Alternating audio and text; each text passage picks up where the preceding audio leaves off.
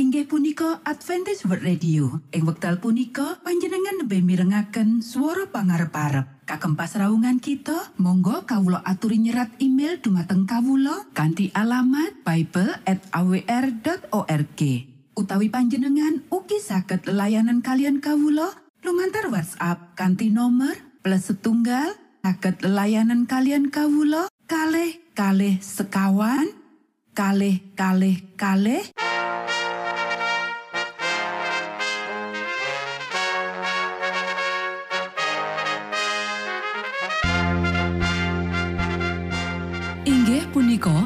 Adventist World Radio ingkang giaran kanti basa Jawi.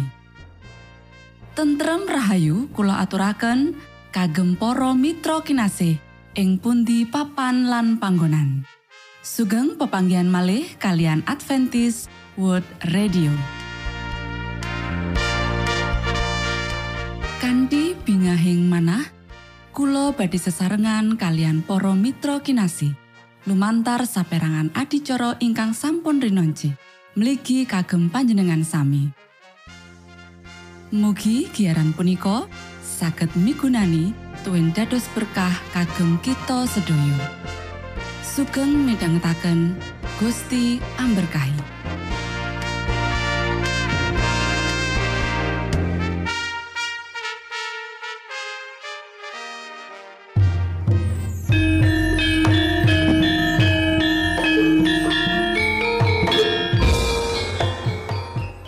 Para pamirsa kinasih ing Gusti Yesus Kristus. Ing wekdal punika, kita badhe sesarengan ing adicara ruang kesehatan. Ingkang saestu migunani kagem panjenengan saha kita sami. Tips utawi pitedah ingkang dipun aturaken ing program punika tetales dawuhipun Gusti ingkang dipunnyatakaken ing kitab suci. Semanten ugi sakehing seratan ingkang dipun wangsitaken dening Gusti Allah.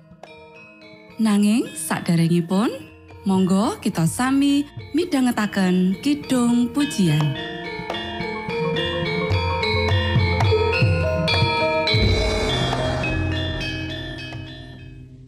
Monggo stiku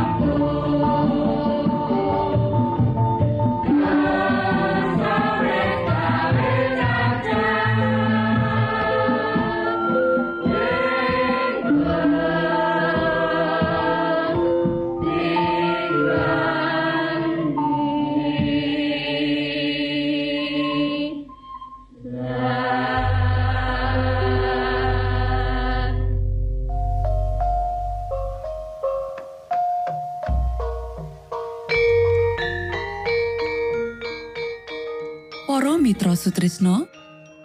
Puji syukur dumateng Gusti ingkang murbeng dumati ingkang sampun kepareng paring wewenngan kagem kita. Satemah saged nglajengaken ruang kesehatan. Pirembakan kita semangke kanthi irah-irahan. Selera sing ora alami diwatesi.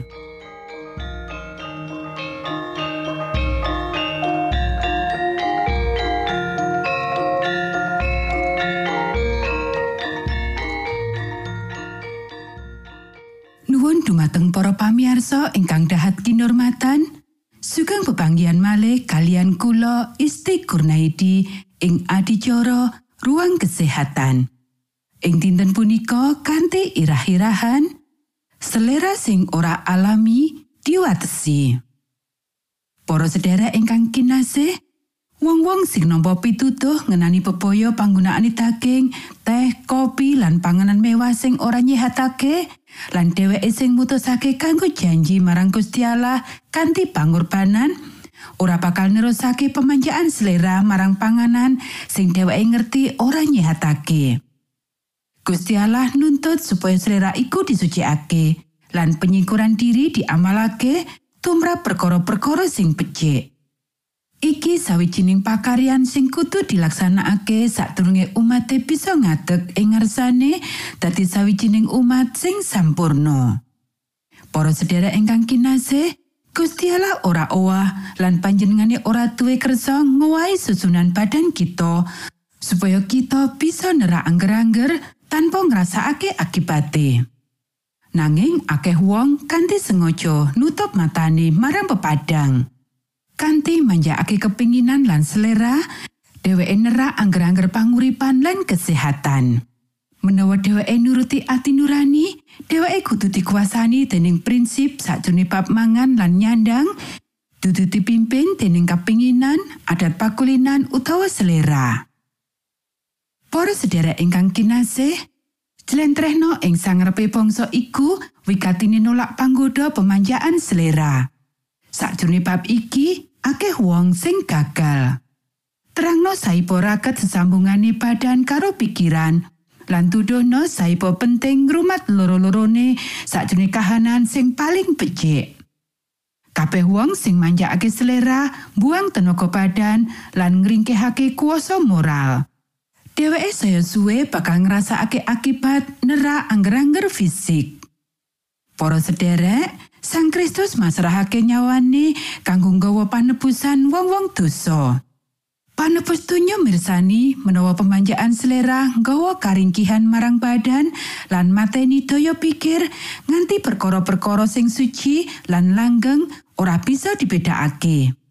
Panjenengane mirsani menawa pemanjaan diri iku ateges nlewengake kuasa moral. Kebutuhan manungsa sing utama ya iku pratobatan sakjroning ati lan pikiran lan jiwa. Saka panguripan pemanjaan diri marang panguripan panyingkur diri lan pangorbanan diri. Mugia Gusti Allah mitulungi kowe dadi abdine kanggo mujuk para pandita lan nangekake jemaat sing lagi turu. Mugia usahamu jejer dadi dokter lan pandita bisa makarya bebarengan. Kanggo iki, mula sanatorium kita ditekake. Kanggo ngutpahake kabeneran lan tarak sing bener. Para sederek, jejer dadi sawijining bangsa, kita perlu ngenekake reformasi khususé marang para pandita lan guru. Dheweke perlu ngenekake iku. Aku entuk petutuh kanggo matur marang pandita lan ketua-ketua daerah guna sampeyan selaku juru karya Allah sakjroning kewajiban nambani jiwa-jiwa sing lagi tiwas kumantung akeh marang kemajuanmu sakjroning ngalahake selera. Kalahno kepinginan kanggo maremake selera menawa sampeyan nglakokake iki mula nepsu sampeyan kanthi gampang bisa dikendaleni mula kuasa mental lan moral sampeyan bakal luwih kuat.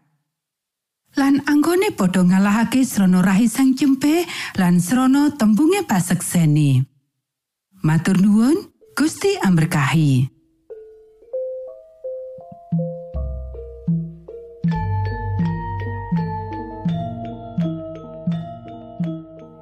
cekap semanten pimbakan ruang kesehatan ing episode dinten punika.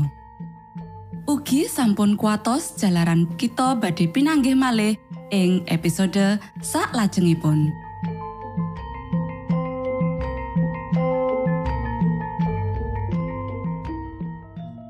Inggih punika adicara ruang kesehatan.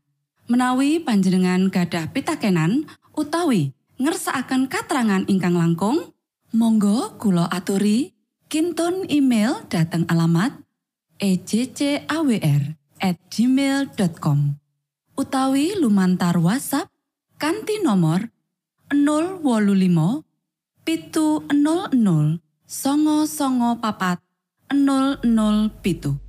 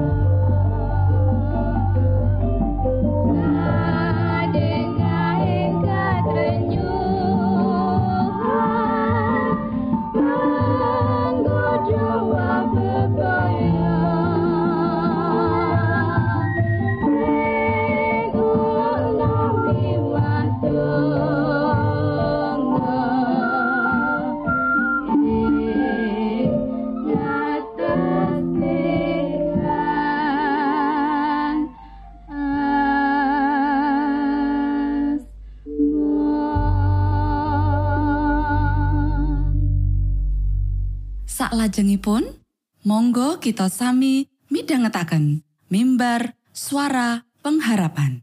Angkat napiri kanthi pawarto Sang Kristus paderamu.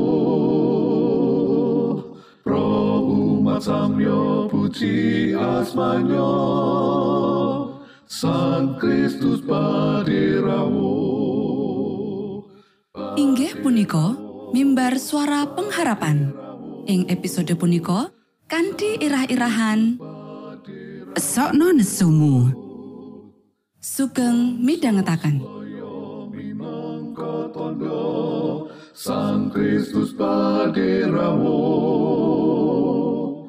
ilmu kawero tambah lan tambah Sang Kristus paderamu paderamu paderamu Sang Kristus paderamu Shalom para sedherek ingkang kinasih wonten ing Gusti sakmenika kita badhe mitangetaken renungan Sabto pangantikanipun Gusti. Ing dinten punika kanthi irah-irahan esokno nesumu Para sedherek ingkang kinasih ayo diwaca kitab Sabur pasal 83 ayat 10 nganti 18 Sedaya punika sami katamela kados dene bangsa Midian. Kados Sisera tuwin Yapin wonten ing sakcelakipun lepen Kision ingkang sampun sami katumpes wonten ing Endor sami dados Rabu ing Siti. Para pengagengipun sami katamela kados Oreb kalian Seeb. Soho sakadaing pemimpinipun kados Sebah lan Salmunah. ingkang sami wicanten payo padha ngejeki papan-papan petamelaning Allah. Do Allah kawula tiang punika sami kadatusno kados dedak ingkang mabul-mabul kados prambut ingkang kabur ing angin. Kados latu ingkang besmiwono saha kados uruping latu ingkang gesengaken reti-reti. Sami kaoyao kalian prahara patuko. Tuwin katamelo kaget kalian lesus patuko. Rainipun sami kasasapono ing wirang, supados sami ngupadosana asma paduka Duh Yehuwa. Kajengipun sami nandang wirang sarta kaget ing salaminipun sarta kawirangno saha lajeng sami tumpes. Para sedherek ingkang kinasih, sawetara Mazmur nyuwun Gusti Allah supaya paring piwales marang pawongan lan bangsa sing arep miloro utawa sing wis miloro para juru Mazmur utawa rakyate. Mazmur iku keprungu rada bingungake awit saka basane kang kasar lan kurang laras saka prinsip kitab suci bab katresnan marang musuh. Kita bisa maca ing Matius pasal 5 ayat petang puluh papat. Nanging, nesune juru Mazmur nalika ngadepi panindasan iku api. Iki tegese menawa para juru Mazmur nganggep bener lan salah luwih temenan tinimbang akeh wong. Para juru Mazmur peduli banget, malah banget bab piolo sing dilakokake ing donya ora mung kanggo awake dhewe nanging uga kanggo wong liya. Nanging para juru Mazmur uga ora nate nyaranake marang awake dhewe dadi agen piwalesan. Kosok balene sang juru Mazmur malah masrahake bab piwalesan kuwi mung ing astane Gusti Allah. Mazmur iki nuhake ipat-ipat saka prajanjian ilahi. Kita bisa maca ing pangandaring Toret pasal 17 ayat songo nganti 16 lan nyenyuwun marang Gusti Allah kanggo numindaki kaya dene kang Gusti wis prasetyakake.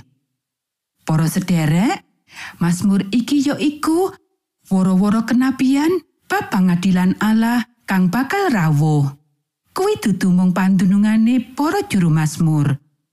Sabur pasal 137 nuduhake woro-woro bab pangadilane ilahi tumrap Babil, kaya sing katon ing kitab para nabi. Karusaan kang digawa dening wong Babil marang bangsa liyane bakal bisa balik ngenani dheweke. Mazmur menatelakake pepenget ilahi yen tumindak piolo ora bakal luput saka paukuman salawase. Para sedherek ingkang kinasih, piwalese Gusti Allah kaukur dening keadilan lan sepalimirmo. Para putraning Allah katimbalan kanggo ndedonga marang wong kang mulasara wong-wong iku lan malah duweni pangarep-arep supaya meratobat. Kita bisa maca ing kitab Sabur pasal 83 ayat 19 lan Yeremia pasal 29 ayat pitu. Nanging sinambi ngupayakake lan nglarasake Mazmur iki karo norma Alkitabiah babagan katresnan marang musuh, kita kudu ngati-ati kanggo ora nyepelekake pengalaman kang larani kang diungkapake ing jerone. Gusti Allah ngakoni kasangsarane para putrane lan paring keyakinan marang para putrane menawa patine para kekasih iku akeh pengajine ana ing paningale Sang Yehuwa. Sabur pasal 116 ayat 15. Para sedherek ingkang kinasih, pangadilan ilahi ngwajibake umat Gusti Allah kanggo nguwuh nglawan sakabehe piolo lan ngupaya karawuhane kerajaan Allah kanthi sampurno.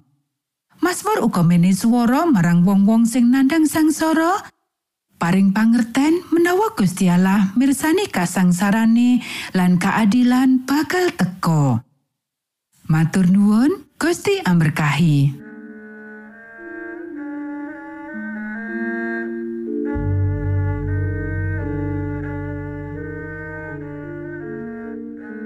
Para Mitra Sutrisno pamiarsa kinasih ing Gusti Yesus Kristus. Sampun paripurno pasamuan kita ing dinten punika. Menawi panjenengan gadah pitakenan utawi ngersakaken seri pelajaran Alkitab suara nubuatan Monggo Kulo aturi kinton email dateng alamat ejcawr gmail.com utawi lumantar WhatsApp kanti nomor 025 pitu 00 songo songo papat 00 pitu.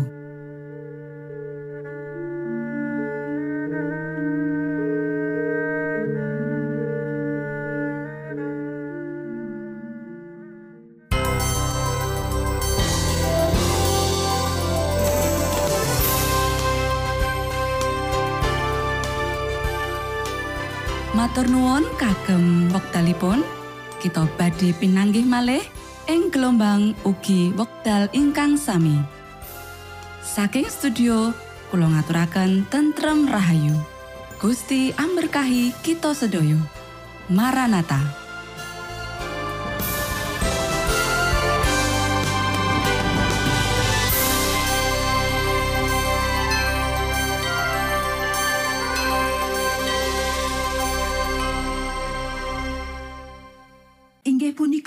Adventist World Radio. Ing wekdal punika panjenengan lebih mirengaken swara pangarep-arep. Kagem pasraungan kita, monggo kawula aturi nyerat email dumateng kawula kanthi alamat bible@awr.org. Utawi panjenengan ugi saged layanan kalian kawula lumantar WhatsApp kanthi nomor plus setunggal saged layanan kalian kawula kalih kalih sekawan kalih kalih kalih